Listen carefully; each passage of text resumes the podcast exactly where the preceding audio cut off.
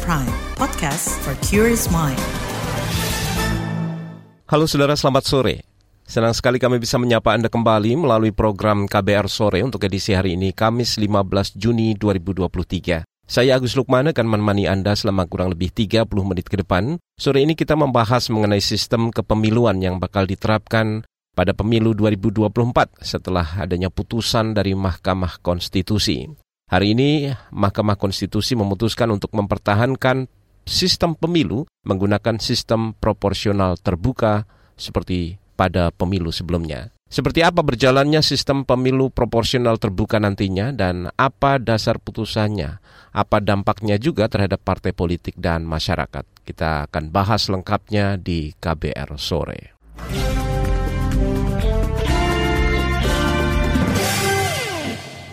Saudara Mahkamah Konstitusi hari ini menolak permohonan uji materi Undang-Undang Nomor 7 Tahun 2017 tentang Pemilu mengenai pasal yang mengatur sistem pemilu. Dengan demikian sistem pemilu tetap menggunakan sistem proporsional terbuka atau dengan mencoblos gambar partai dan nama calon anggota legislatif.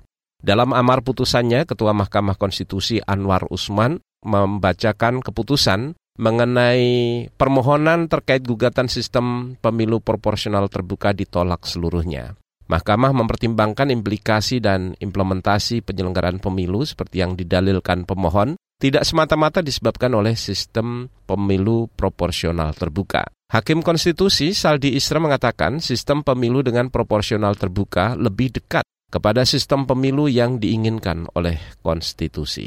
Menimbang bahwa, bahwa dalil para pemohon di atas berkaitan dengan implikasi dan implementasi penyelenggaraan pemilihan umum yang menurut Mahkamah sebagaimana telah dipertimbangkan secara lengkap dalam paragraf 3.31 tidak semata-mata disebabkan oleh pilihan sistem pemilihan umum karena dalam sistem pemilihan umum terdapat kekurangan dan dapat diperbaiki dan disempurnakan tanpa mengubah sistemnya.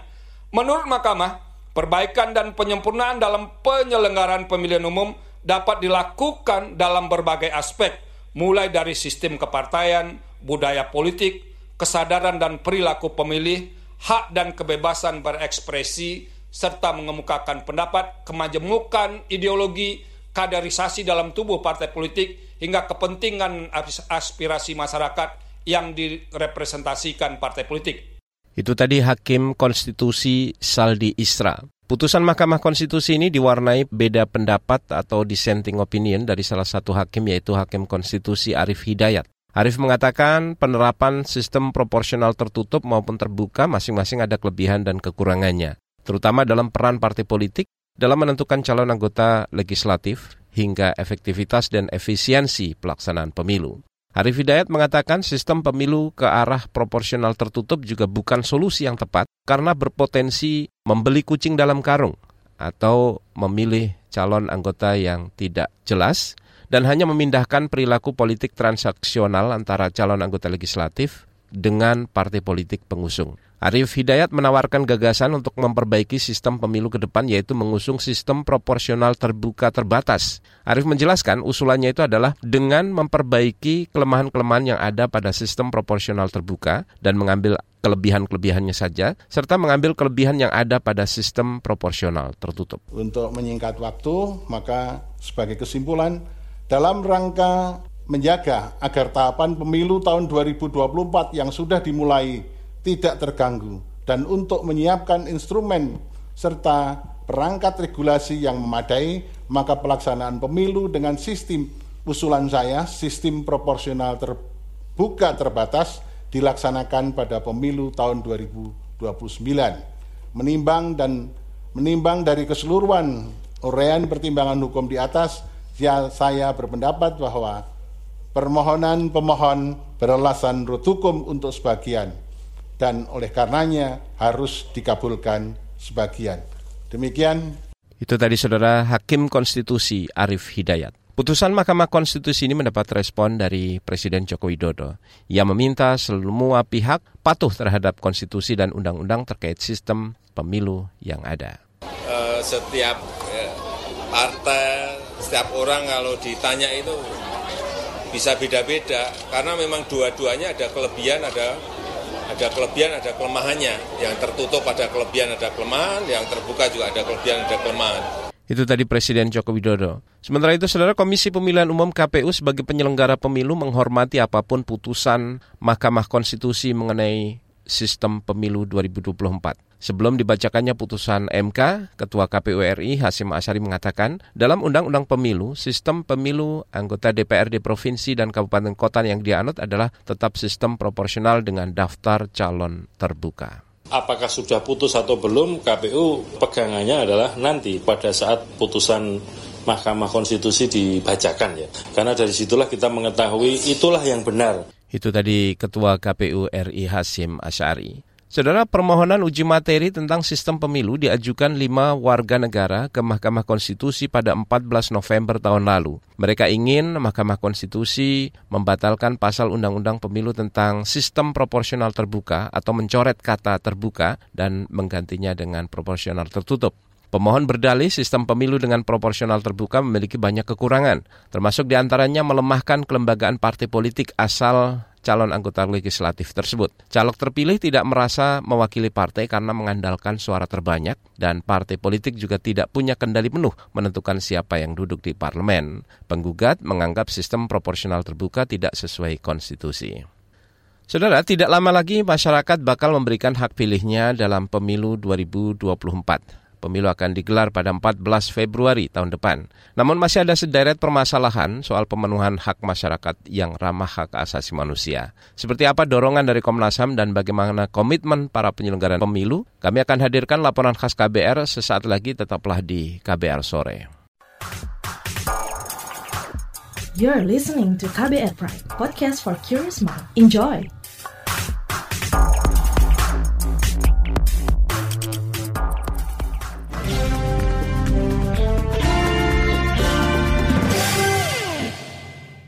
Saudara, belasan kelompok marginal rentan terabaikan haknya pada saat pemilu 2024, antara lain kelompok disabilitas dan pekerja migran. Mereka terancam tidak bisa menggunakan hak pilihnya karena keterbatasan dan fasilitas oleh penyelenggara pemilu yang kurang memadai. Untuk mencegah situasi itu, Komnas HAM mendeklarasikan pemilu ramah HAM. Lantas seberapa efektif deklarasi itu nantinya? Berikut laporan khas KBR disusun jurnalis Sindu Darmawan. Komisi Nasional Hak Asasi Manusia atau Komnas HAM mendorong penyelenggaraan pemilu 2024 ramah HAM Sebab berdasarkan pemantauan pra pemilu pada April hingga Mei 2023, lembaga pemantau HAM tersebut mendapati ada 17 kelompok yang rentan kehilangan haknya dalam pemilu 2024. Komisioner Komnas HAM Pramono Ubaid Tantowi mengatakan, kelompok itu antara lain penyandang disabilitas, narapidana, kelompok minoritas agama, LGBTQ, hingga masyarakat adat. Jadi yang diperlukan adalah percepatan uh, untuk melakukan koordinasi dan uh, sharing data. Demikian juga teman-teman KPU. Ini kan apa daftar pemilih kan masih baru DPS. Masih ada waktu sampai nanti DPT misalnya. Apalagi pengalaman 2019 yang lalu DPT hasil perbaikannya sampai dua kali. Pramono menyebut suara ke-17 kelompok itu berpotensi hilang jika diabaikan pendataan maupun hak suaranya di pemilu 2024.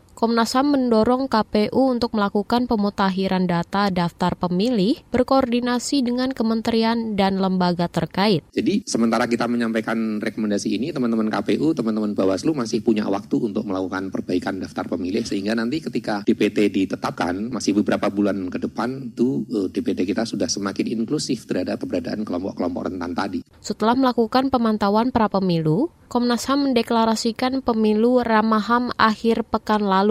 Deklarasi terdiri dari empat poin, antara lain menjamin pemenuhan hak pilih kelompok marginal rentan, dan mewujudkan pemilu serentak yang bebas diskriminasi, nir kekerasan, dan adil. Ketua Komnas HAM Adnike Nova Sigiro mengatakan, lembaganya juga merumuskan draft standar norma dan pengaturan terkait hak politik. Perumusan direncanakan rampung akhir bulan ini agar bisa disebarluaskan ke berbagai pihak. Masih ada orang-orang, individu, kelompok yang tidak mendapatkan akses yang setara karena satu dan lain hal. Apa karena ekonominya, karena jenis kelaminnya, karena disabilitasnya, karena profesinya, dan lain sebagainya.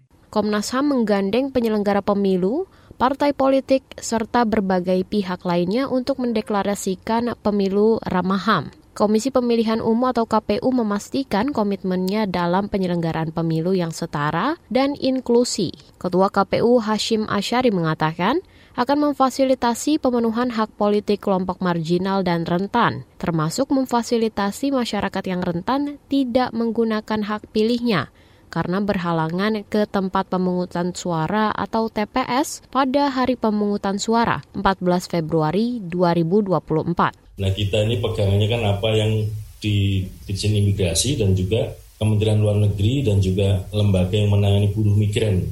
Tapi juga banyak warga kita sesungguhnya ada di luar negeri tetapi katakanlah ya tidak melapor.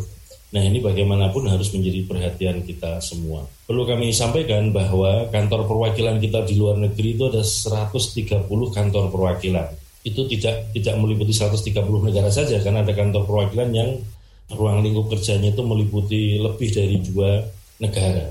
Deklarasi pemilu Ramaham diapresiasi sejumlah partai politik. Pelaksana tugas Ketua Umum Partai Persatuan Pembangunan Muhammad Mardiono mengatakan, deklarasi itu menunjukkan demokrasi Indonesia semakin tumbuh berkembang dan merakyat. Uh, tetapi hak asasi manusia ini juga harus dimaknai bahwa kebebasan itu adalah bukan seseorang untuk bebas berbuat apa saja, tetapi hak asasi manusia ini adalah perasaan bahwa manusia satu dengan yang lain kita saling memiliki, mengedepankan perasaan. Sementara itu, Badan Pengawas Pemilu atau Bawaslu berkomitmen mengawal penyelenggaraan pemilu 2024 yang menjamin semua warga negara mendapatkan hak suara yang sama.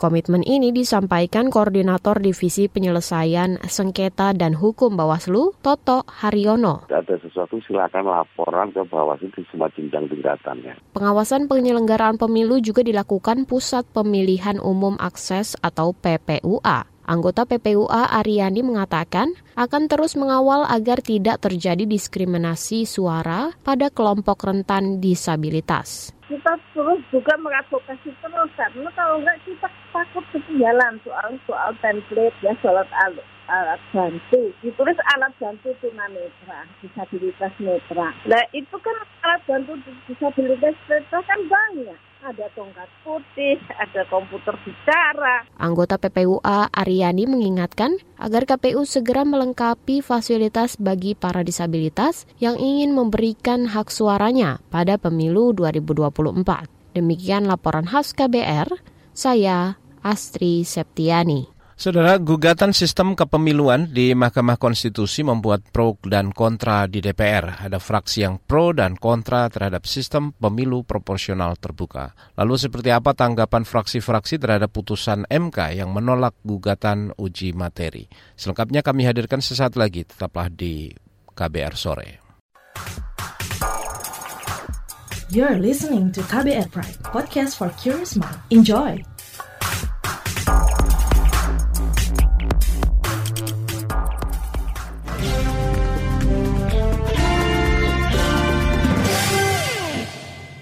Saudara, fraksi PDI Perjuangan di DPR menjadi satu-satunya fraksi di parlemen yang awalnya mendukung gugatan sistem kepemiluan di Mahkamah Konstitusi, mendukung perubahan sistem proporsional terbuka menjadi tertutup.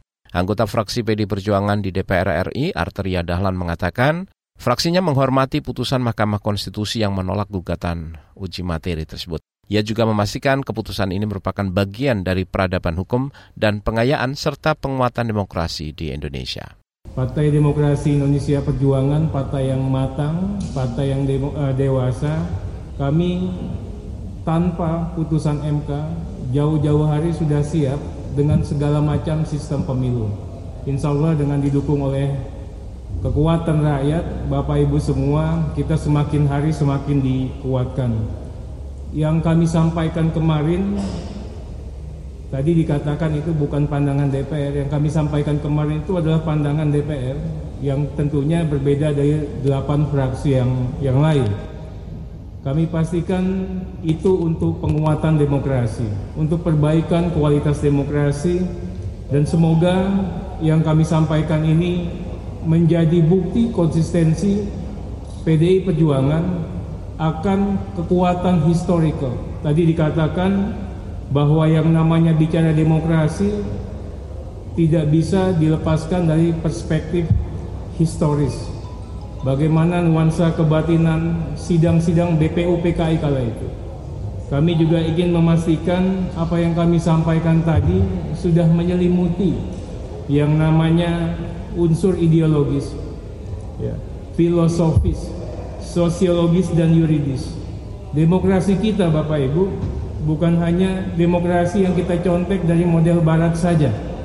Demokrasi yang bersendikan kesejahteraan yang diselimuti oleh paham gotong royong. Tidak cukup demokrasi kita ini seperti yang Bapak Ibu lihat di parlemen. One man, one vote, one value.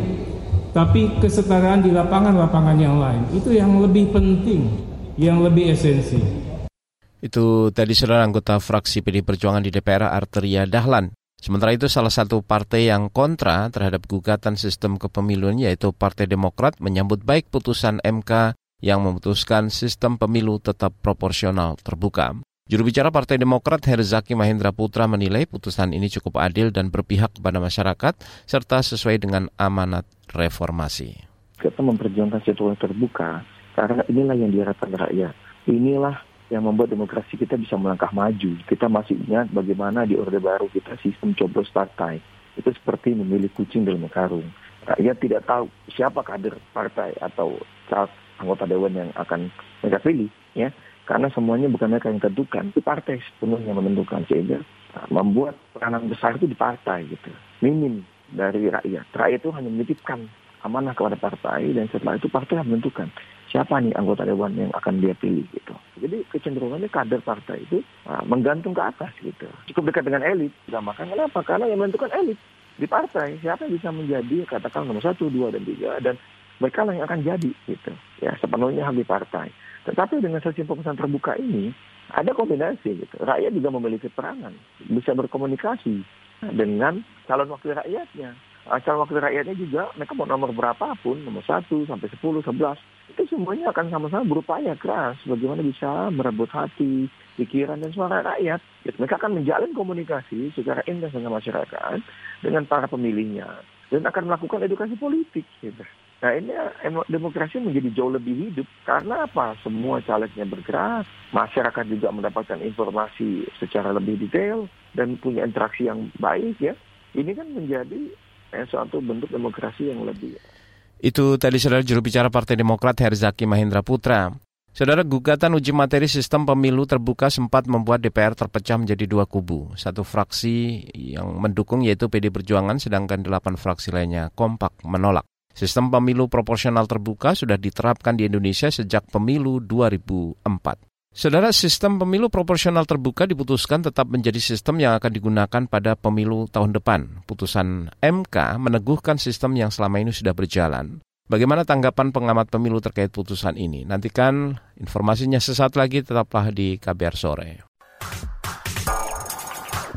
You're listening to KBR Pride, podcast for curious mind. Enjoy!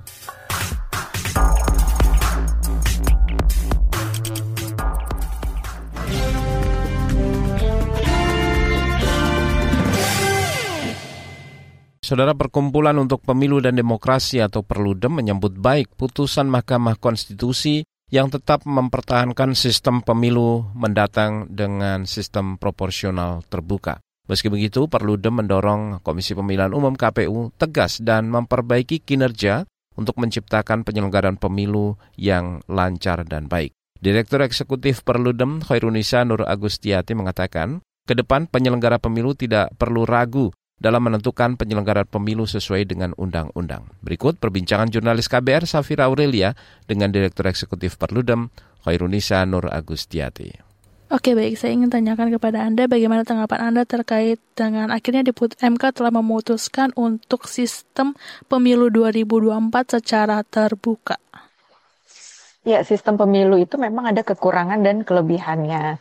Nah, uh, kalau kemudian dalam implementasinya ada uh, efek buruk dari uh, sistem pemilu. Nah, itu juga uh, seperti yang disampaikan oleh uh, mahkamah tadi tidak semata-mata juga karena sistemnya. Tadi misalnya MK menyebutkan bahwa ada peran juga dari partai politiknya bahwa uh, partai politik kita kan disebutkan belum terlembaga dengan baik gitu ya sehingga uh, ketika uh, dalam proses rekrutmen dalam proses kandidasi itu ya tidak dilakukan secara demokratis tidak dilakukan secara uh, transparan termasuk juga uh, tadi misalnya soal uh, politik uang gitu itu tidak semata-mata karena uh, sistem pemilunya gitu. Oke baik, dalam putusan tersebut ada dissenting opinion dari Arif Hidayat yang mengharuskan dipertimbangkannya adanya pemilu sistem terbuka secara terbatas karena berkaca dari pemilu-pemilu sebelumnya. Nah ini bagaimana tanggapan Anda? Nah, terkait dengan uh, dissenting opinion yang uh, satu hakim ya, Hakim Arif Hidayat yang punya pendapat yang berbeda, ya memang itu dimungkinkan ya dalam sebuah putusan ada hakim yang punya uh, pendapat yang berbeda. Uh, apa tapi kalau misalnya kemudian disebutkan bahwa uh, menyebutkan satu sistem pemilu yang konstitusional adalah terbuka terbatas ya tadi itu kan sudah dibantah bahwa isu uh, pilihan sistem pemilu ini bukan masalah uh, konstitusional gitu loh tapi masalah apa ini isu yang harusnya dibahasnya di uh, apa di Senayan gitu ya yang di, dibahas antara DPR dan pemerintah. Jadi bukan isu konstitusionalitas. Oke baik. Nah dengan diputuskannya tetap sistem pemilu proporsional terbuka, apa saja yang harus diperbaiki dan diperkuat agar pemilu berjalan dengan baik nantinya? Dan kalau kita sudah menyebutkan uh, satu sistem pemilu ini yang konstitusional kan artinya menutup diskusi menutup misalnya nanti melakukan evaluasi terhadap sistem pemilu yang uh, digunakan hari ini. Nah, karena hari ini sudah diputuskan oleh MK, artinya semakin menegaskan kan KPU juga dalam uh, kerja-kerjanya ya harusnya tidak perlu gampang lagi. Ini mau pakai sistem pemilu yang mana nih? Karena MK sudah memutuskan sistem pemilu yang digunakannya tetap uh, seperti apa yang di Undang-Undang 7 2017. Itu tadi saudara perbincangan jurnalis KBR Safira Aurelia dengan Direktur Eksekutif Perludem Khairunisa Nur Agustiati. Sementara itu organisasi Muhammadiyah, salah satu organisasi masyarakat terbesar di Indonesia, memberikan catatan penting agar pemilu tahun depan bisa terselenggara dengan baik sehingga bisa berjalan jujur dan adil. Berikut catatan dari Ketua Lembaga Hikmah dan Kebijakan Publik PP Muhammadiyah, Rido Alhamdi di bawah sistem pemilu proporsional ini itu adalah pertama sistem rekrutmen caleg partai politik gitu ya. Karena apa? Partai selain pemilu itu ada undang-undang partai politik yang itu juga harus diperbaiki. Maka partai politik dalam merekrut caleg itu adalah caleg yang benar-benar memahami gitu ya. Itu tadi Ketua Lembaga Hikmah dan Kebijakan Publik di PP Muhammadiyah Ridho Alhamdi. Informasi tadi menutup jumpa kita di KBR sore untuk edisi hari ini Kamis 15 Juni 2023. Saya Agus Lukman bersama tim yang bertugas kami undur diri. Salam.